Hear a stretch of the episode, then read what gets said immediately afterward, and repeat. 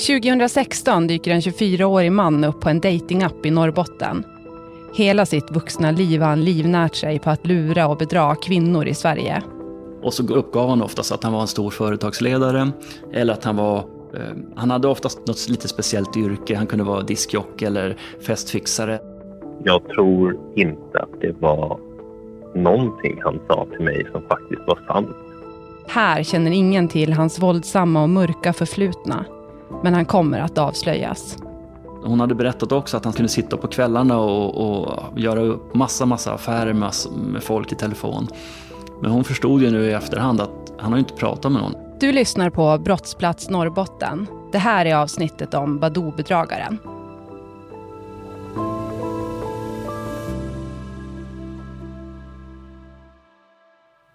–24-åringen som presenterar sig som Kemal kommer från Göteborg alla som träffar honom för första gången beskriver honom som social och trevlig. En av dem är företagaren Paul Nybom som hyr ut maskiner utanför Piteå. Välkommen! Ja, visst. Uh, ja, bara hänga upp och... Jag har för mig att det var någon gång sent i november eller december så, så kom då en kille, jättetrevlig snubbe, och eh, svängde in och, och, skulle, ville hyra en grävare av mig. Och jag höll på att vinterställa grävaren och det var ju lite ovanligt att man ville ha en grävare så sent på säsongen. Eh, och så ville han ha den utkörd också. Eh, och vi började prata, han var, var väl kring 25-30 och sånt där. Eh, och hette då Kemal. Och eh, jag reagerade ju, jag är intresserad av människor överlag och, och bakgrunder och sådär. Så jag tyckte det var lite roligt namn och frågade, för han såg ju väldigt svensk ut. Så jag började fråga lite grann kring det namnet och sådär och, och frågade om hans bakgrund och vad han gjorde och, och, och så vidare. Och då berättade han att han hade eh, att hans pappa hade avlidit och han hade då, skulle få ärva ett åkeri då med hundra långtradare och typ sånt där. Men de fanns nere i Göteborg. Och han hade tänkt etablera någonting här uppe. Men nu ville han i alla fall hyra en grävmaskin av mig och, och att jag skulle köra ut den. Så, och det gjorde jag. Några månader tidigare har Kemal flyttat till Kiruna där han träffat en kvinna via en datingapp. Inom loppet av några veckor flyttar paret ihop och det dröjer inte länge innan storslagna framtidsplaner tar form. Nu har paret köpt en gård utanför Piteå och tillsammans planerar de att starta en affärsverksamhet. Vi har varit i kontakt med kvinnan från Kiruna och hon har tackat nej till att vara med i det här avsnittet. I förhör berättar hon att de planerade att starta en filial till Kemals pappas hästgård på västkusten. När Paul lämnar grävmaskinen på gården börjar han ana oråd. Han skulle göra något, gräva någonting som skulle ändå gå. Jag, jag räknade med att det skulle bara ta några dagar. Men det drog ut lite grann på tiden.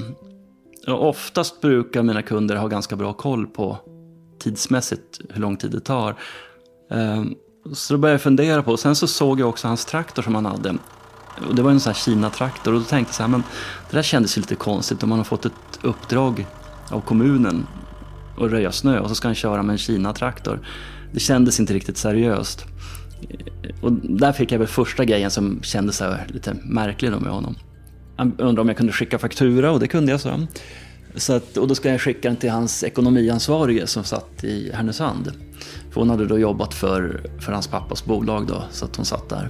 När ett par månader har passerat och Paul fortfarande inte har fått betalt skriver han ett brev till Kemal där han återigen påminner om betalningen. Och det, jag fick fortfarande inte några pengar. Och, och, och det var mycket sms-kontakt med honom också.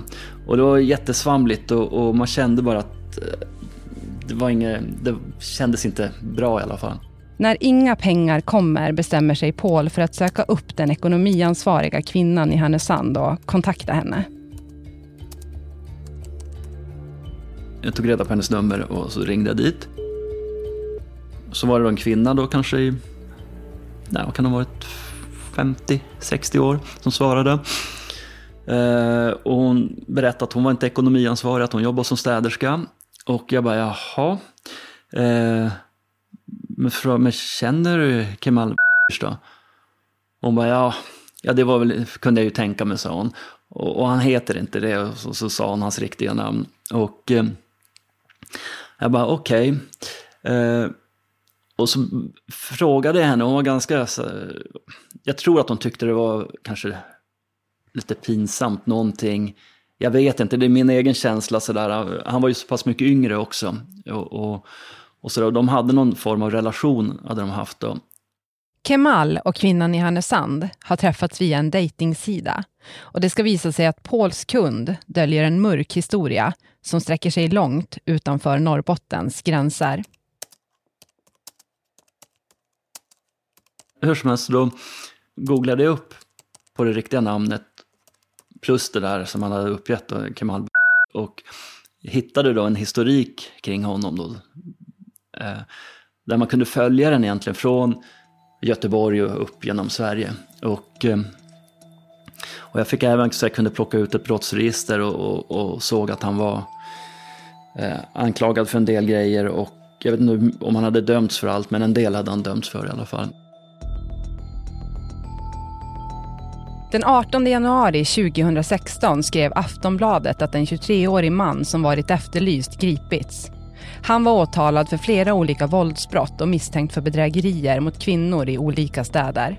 I artikeln citerar tidningen åklagaren Maria Torell som berättar att mannen inte bara verkar vara en solovårare utan en man som misshandlar, kränker och våldtar kvinnor.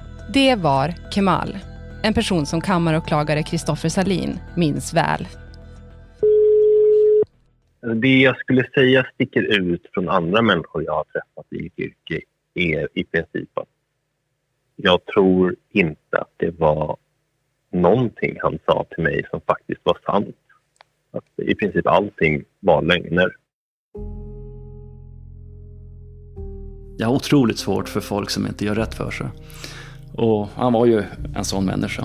Då kunde jag läsa på Flashback och andra forum också att folk som hade känt honom sen tidigare menar på att han var den största mytomanen som fanns. Och det hade han varit ända sedan han var liten vad jag förstod. Och han hade eh, under resans gång på vägen uppåt genom Sverige så hade han då, det verkar som att han hade ett, ett mönster att han träffade tjejer på uteställen eller mm, ja, jag förmodar att det var på uteställen och, och så gav han, uppgav han oftast att han var en stor företagsledare eller att han var Eh, han hade oftast något lite speciellt yrke. Han kunde vara diskjock eller festfixare eller typ sådana här saker. Eh, och, och, att han hade det väldigt bra ställt fick han fram till de här eh, tjejerna också. Allingsås tingsrätt friade Kemal från bland annat grov kvinnofridskränkning, våldtäkt och övergrepp i rättssak. Han dömdes däremot till ett kortare fängelsestraff för misshandel och olaga hot. En kort tid efter att han avtjänat sitt straff kommer han till Norrbotten. Kemal ger sken av att ha mycket pengar, men det finns ett problem. Han har inget bankkort. Kammaråklagare Kristoffer Salin igen. Han nästlade sig in bland olika kvinnor och eh, i princip men på olika sätt vilseledde dem till att spendera oerhörda mängder pengar. Hans huvudsakliga tillvägagångssätt var att han träffade de här kvinnorna via datingappar, exempelvis Tinder och Badoo när han hade kommit i kontakt med dem så uppgav han sig för att eh, heta ett helt annat namn. Så han fejkade sin identitet helt enkelt. När han väl hade nästlat sig in hos människan så började han dels då att få dem att ta ut en massa lån och skicka över pengar till honom. Och han köpte även en hel del grejer. Så att han hade, kunde oftast inte betala för sig. Så att det slutade med att tjejerna fick betala för honom och han eh, bodde hos dem och levde på dem. Och eh, sen vet jag inte vad som är sant eller inte men eh, det verkar som att det har varit ganska mycket våld inblandat och om inte annat också hot om våld. Eh, så han verkar vara en väldigt otrevlig typ på det viset. Och då började jag ju fundera på den här eh, tjejen som han hade, eh, sen, eh, han som, eller hon som han bodde tillsammans med nu, från Kiruna. För de hade varit tillsammans ett år påstod han. Och då tänkte jag så här, men undrar, undrar om hon vet om hans bakgrund. Eller hon kanske inte har någon aning. Och så tänker just hur de bodde där ute i bushen. Alltså, alltså vad som helst kan ju hända med henne. Paul bestämmer sig för att ta kontakt med kvinnan från Kiruna. Och hon hade ju ingen aning om det här. Kvinnan upptäcker att Kamal haft kontakt med flera andra kvinnor. Och det visar sig i alla fall att hon hade ju då kollat igenom hans eh, sms och såna grejer och, och sett att han körde ju värsta dubbelspelet. mot henne också. Vi hade kontakt några gånger sådär och, eh, och, och sen så hade hon pressat honom och, och jag tänkte mig alltså hur, sitta där ute i skogen. Men man vet ju inte vad han, hur han beter sig. Men då hade hon, jag tror hon hade två ganska stora hundar som, eh, som hade suttit bredvid henne i soffan. Och, eh, och det hade blivit ganska hotfull stämning. Men hunden hade naglat honom med blicken och hon, så hon kände sig otroligt trygg i, det, i den situationen. Så, att, så, så, att, eh, ja, så det var ju skönt att hon hade dem till sin hjälp. Eh, sen visade det sig att, att eh, ja, då han, han var väl på väg därifrån, men hon hade fått honom att stanna över natten. Och då hade hon då ringt till polisen så kom de och hämtade honom på, ja, på natten där. Den 15 januari 2017 grips Kemal i byn utanför Piteå. Men han släpps efter ett par dagar. Han bestämmer sig då för att lämna Norrbotten. Drygt ett år senare häktas Kemal och den här gången kommer det dröja länge innan han åter släpps på fri fot. Han har då hunnit starta ett nytt dubbelliv i Mellansverige. Det var en lång period som han var anhållen i sin frånvaro. Och sen påträffades han nere i Uppsalaområdet. Varje kvinna han var ihop med som tömde han på pengar in i sitt nya förhållande och sen gjorde han samma sak mot den människan senare. Liksom, det var så han gick vidare i livet. Den sista blev ett vittne för hon var hans nya flickvän och hade inte spenderat några pengar på honom. Det var sen när han blev anhållen. Under rättegången berättar kvinnan från Kiruna om sin tid tillsammans med Kemal. Till henne hade han sagt att kvinnan från Härnösand var hans pappas fru. Hon beskriver när hon förstod att hela den familj han berättat att han hade egentligen inte fanns. Hon berättar också om hur han kunde sitta i telefon flera timmar per dag. Till slut förstod hon att han bara pratade med sig själv. Han har ju inte pratat med någon, han har ju bara dillat och, och spelat ett spel för henne. Hon hade även, det var ju som vinter som sagt var, eller det var inte så jättemycket snö den här vintern. Och, eh, eller hade inte hunnit komma i alla fall. Och då hade han kommit en gång och sagt till henne, så, ah, men kolla det är, det är någon som har gått här bakom lagorn. Och, och, spåren gick iväg mot skogen över någon äng. Och hon fattade inte, vad fasen är det här? Och, och nu förstod hon ju i efterhand att det var ju för att så frön av oro hos henne då, att det var folk som var där och, och smög runt och härjade och sådär. Den 30 maj 2018 dömer Luleå tingsrätt Kemal till ett och ett halvt års fängelse för grovt bedrägeri och utpressning.